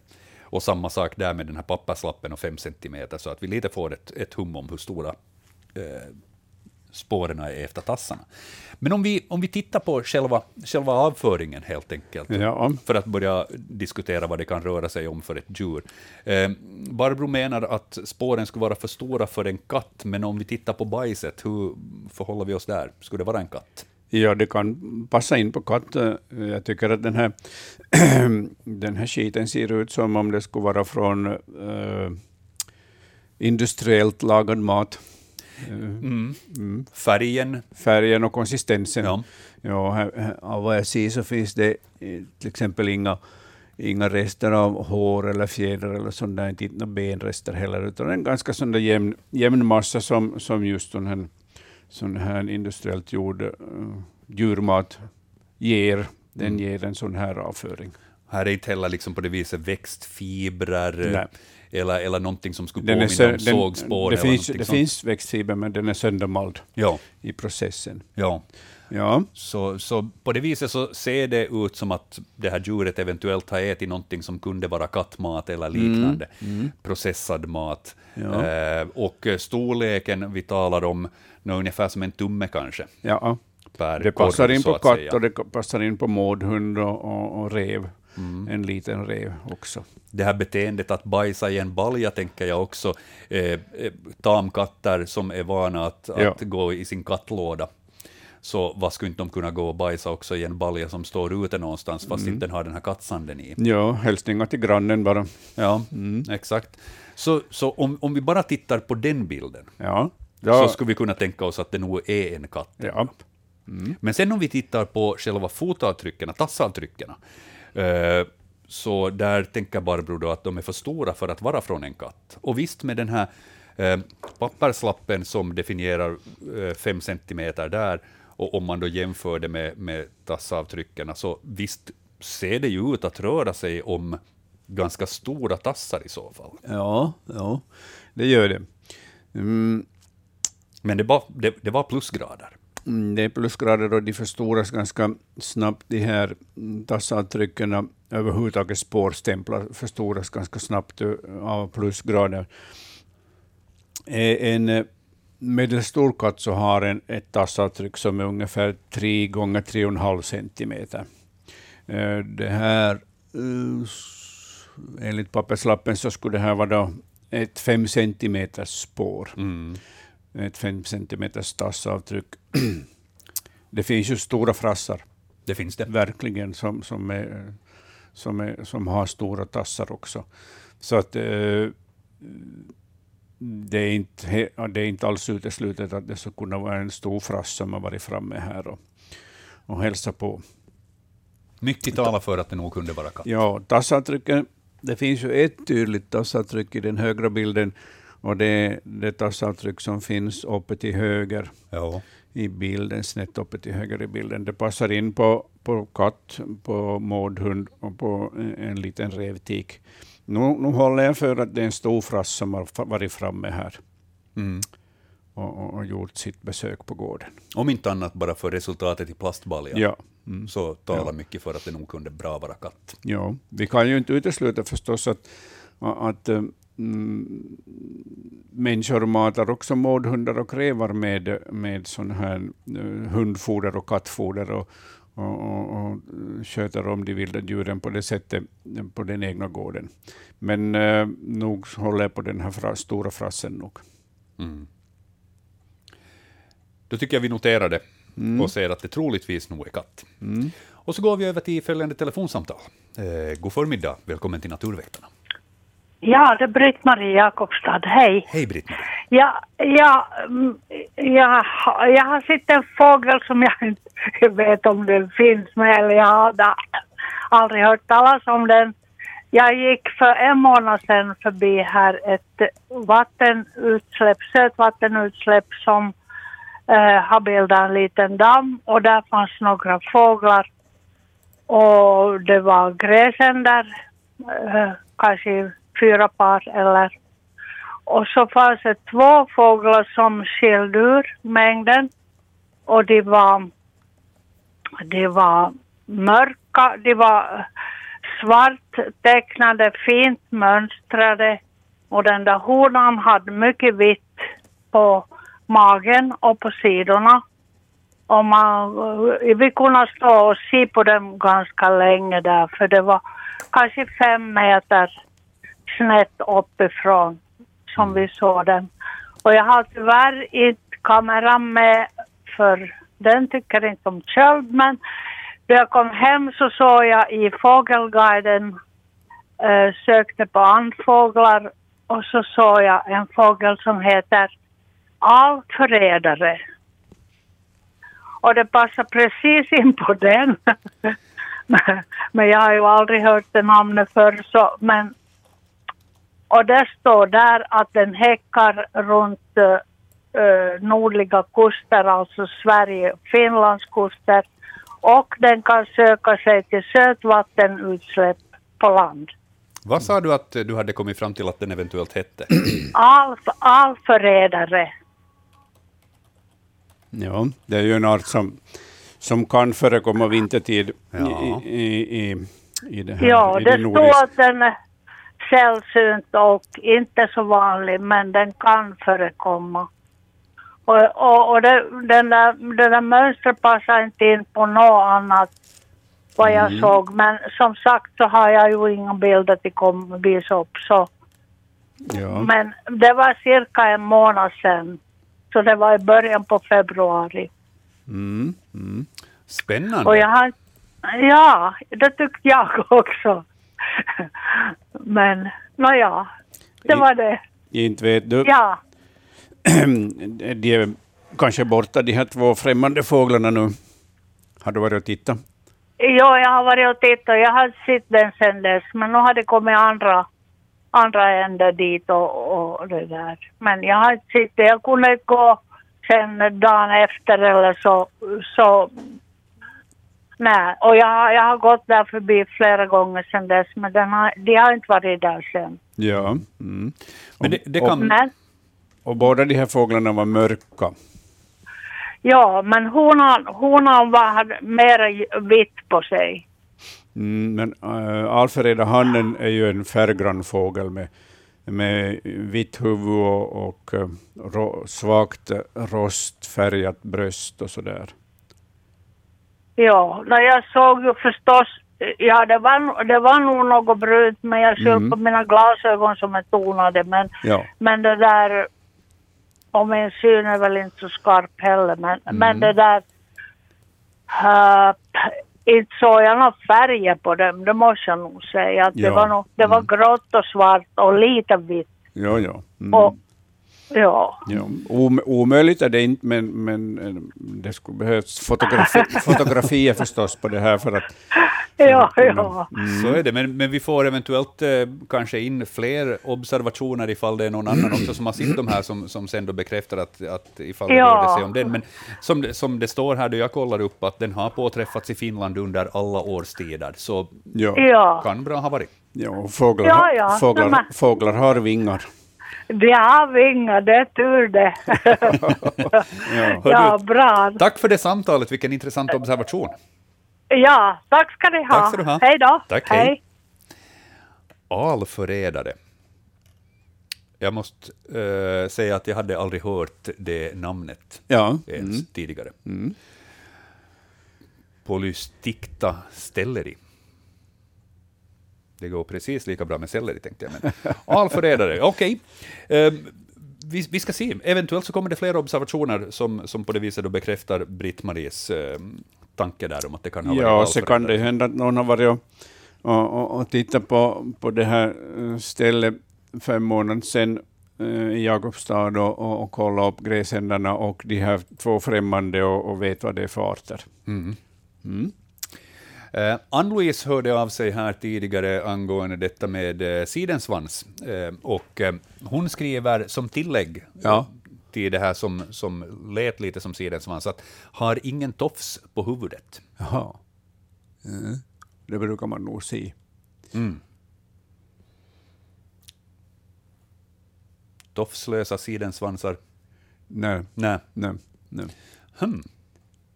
Det är att ta sig en funderare. Det finns ju björktrastar som är farten också. Ja. Och de har ju vissa färginslag i, i, i fjäderdräkten. Men... Nå, det blir ett frågetecken. Ja, det blir det. Eh, en annan kommentar som eh, kom till det här med att mata fåglar och huruvida det drar till sig råttor. Uh, Kai skriver en kommentar till frågan om råttor. Har matat fåglar i många år och tänker så här. Om man matar fåglar utomhus så hålls råttorna där och inte kommer in. Mm, Uh, ja. I och för sig en teori. Ja. Och ehm, eh, CB tackar för eh, kommentaren om att det förmodligen alltså rörde sig om mink. Ehm, sen så ska vi ta och titta på sista frågan i bildbloggen som vi har satt in.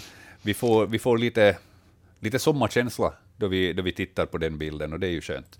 Eh, vi närmar oss de här tiderna också då insektshotellerna igen får gäster och, och så här. Eh, insektshotell, lika viktiga som att sätta upp fågelholkar Ja. Mm. så att våra pollinerare har ställen att, att bosätta sig på. Um, Jan Mikael är det som har skickat det här uh, fotografiet är taget vid villan på Vidjeskär i midsommarveckan i fjol. Um, och han undrar helt enkelt vem är det som har övertagit vårt insektshotell och pluggade igen flera rum? Um, och det ser vi här, det, insektshotellet har i de här vad ska vi säga, rören som man ibland gör av vassrör ifall man tillverkar dem själv, men här tror jag att det är uppborrade eh, trädkvistar och liknande. Jag tror det är bamburör. Ja, ja, det kan vara bamburör. Ja, kapade bamburör. Faktiskt. Mm. Eh, Så här ser man att, att eh, säg nu en, en femtedel av dem är redan igenproppade av sån här cementliknande material. mm. Så där är det någon som har bosatt sig i hotellet.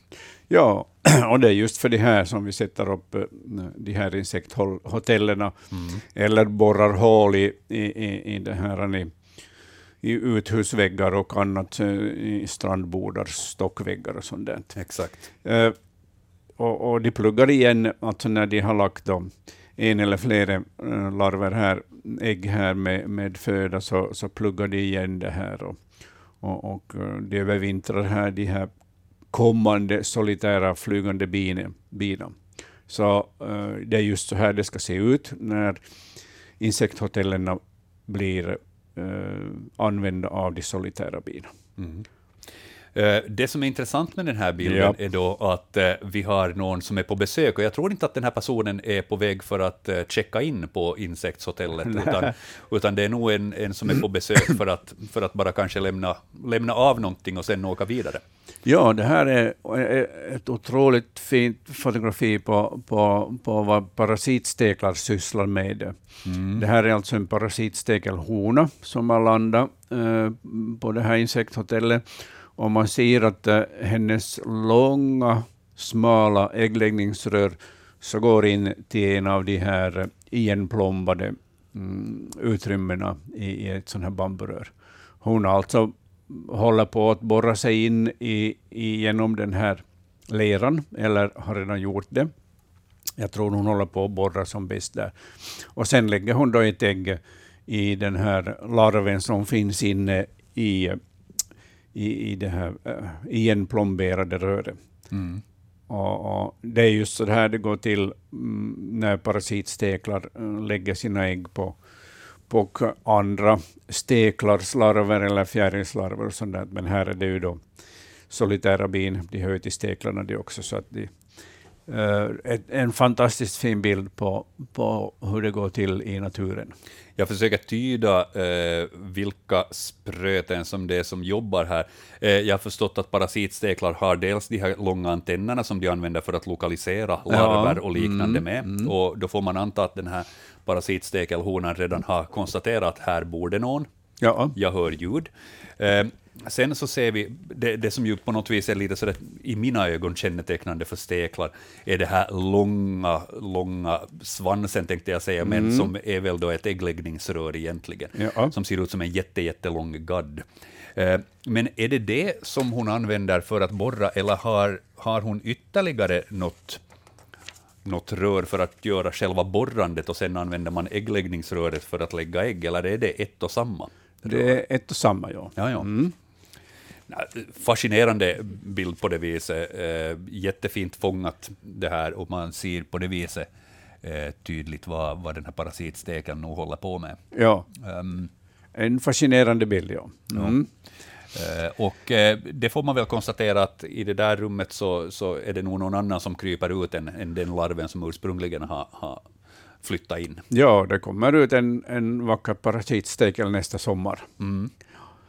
Eh, är det så att den här parasitstekeln lägger ett ägg i ett sånt här rum och sen drar vidare, eller kommer den här parasitstekelhonan att knacka på hos alla andra? Det är möjligt också? att hon har knackat på hos de här andra också, eftersom hon har hittat det här eh, stället där de här larverna finns, bakom de här igenpluggade hålen. Mm. Ja. Det, det, det är så där det fungerar det är, i naturen. Det är så där de lever. Ja. Och, och, och, det är ju sällan man får fånga det på bild det här, hur de här parasitsteklarna uh, går tillväga. Ja. Men jag, jag, fick faktiskt förra sommaren se det här fenomenet på, på en, en granstam där, där en parasitstekel kom och, och letade reda på, på skalbaggslarver och så borrade hon sig ner i, i, i det här in under barken och så la hon ett ägg och så gick hon vidare och så borrade hon igen och så det var fantastiskt att se det. Mm. Vi har några minuter kvar av sändningstiden. Vi ska snabbt kolla sista samtalet för dagen. Vi säger eh, god förmiddag. Välkommen till Naturväktarna. Ja, god förmiddag och det är väl inte och hej. Hej. Ja, en sådan fråga. Jag har inte upplevt det förut, men i, i vinter så har hägeln varit, varit där, där det här i grannskapet till och med i februari. Ja, är det vanligt? De, de kan, ja, alltså hägen kan övervintra bra under, under milda vintrar och vi har ju haft en relativt mild vinter i år. Ja, ja men ju som alla, alla de här platserna där den äter så har ju varit frusna. Ja, men... Is, isbelagda. Mm, ja, men den har nog hittat säkert ja. strömställen och, och iskanter ute i, i skärgården där den har kunnat äh, fiska. Ja, ja, just det. Nå, ja, det var, det var allt för den här gången. Ja, utmärkt. Tack, ja. tack för det. Ja, tack. Tack, hej då. Hej. hej. En fråga hinner vi med ännu här, rask takt. Vi ska titta, vi har Tommy som skriver så här. Hej, jag bor i Östergötland, vi talar Sverige alltså, och matar fåglarna under vintern. Mestadels grönfinkar, talgoxe, blåmes, nötvecka med mera, enstakaste glits. Idag såg jag två stycken fåglar som påminner väldigt mycket om sädesärlan i utseende och rörelsemönster. Däremot var bådas huvud helt vitt, utan svarta inslag överhuvudtaget. Väldigt förvånad och hoppas på ett tips om vad det kan vara. Vad kan vi skicka för hälsningar till Östergötland? Uh, vi kan skicka sådana hälsningar. Det är två stjärtmesar som har varit på matningsplatsen och, och försett sig uh, av den föda som han serverar åt småfåglarna. Stjärtmesarna påminner ju både till färgteckningen och storleken uh, och också i stjärtens längd om sädesärlor. Jag kan inte komma på några andra arter som skulle passa in på det här. Och de, de har ju vita huvuden, de här stjärtmesarna. Mm. Och det är ju en art som, som uh, har börjat komma till matningsplatser också, uh, fast det är inte är en regelbunden gäst. Men, att, men uh, de har, vissa stjärtmesar har lärt sig att det lönar sig att, att kvista in på de här lunchställena ibland och, och förse sig av fröna. Precis. Eh, riktigt kort hinner vi behandla också. Vi har en, eh, Henrik från Ytter-Esse skriver så här. Vi har en flock rapphöns, 10 till 12 stycken som gästar oss varje dag. Jag har börjat kasta havre under våra stora sembratallar där marken är bar. Kan rapphönsen äta för mycket när de har tillgång till havre? Nej, det gör inte vilda fåglar. De äter vad de behöver. Och, och eh, de äter ju förstås mycket när de får tag i mycket föda, för att eh, på det sättet så kan de lägga upp då fettförråd inne uh, eh, i bukhålan och under skinnet och, och ha då en, en fettreserv för tuffa dagar när det är till exempel snöstorm och sånt där, och de inte kan komma åt någon föda. Så att, uh, jag känner inte till någon fall där, där till exempel rapphöns har ätit för mycket och dött av för mycket föda, utan de äter nog vad de behöver och vad de, vad de kan uh, smälta under dagens lopp och ja. nattens lopp. Där sista frågan för Naturväktarna i mars månad. Tack Hans Hestbacka för din expertis den här månaden. Och vi är tillbaks eh, nästa gång, den, ja vad blir det, 6 april, som är första onsdagen i april månad. E-posta oss på natur, eller skicka vanlig post på Ylevega, Naturväktarna, postbox 12 00024 Yle. Det är ni som gör sändningen, kära lyssnare, så det är jag som får tacka för sällskapet. Mitt namn är Joakim Lax. Klockan blir tolv.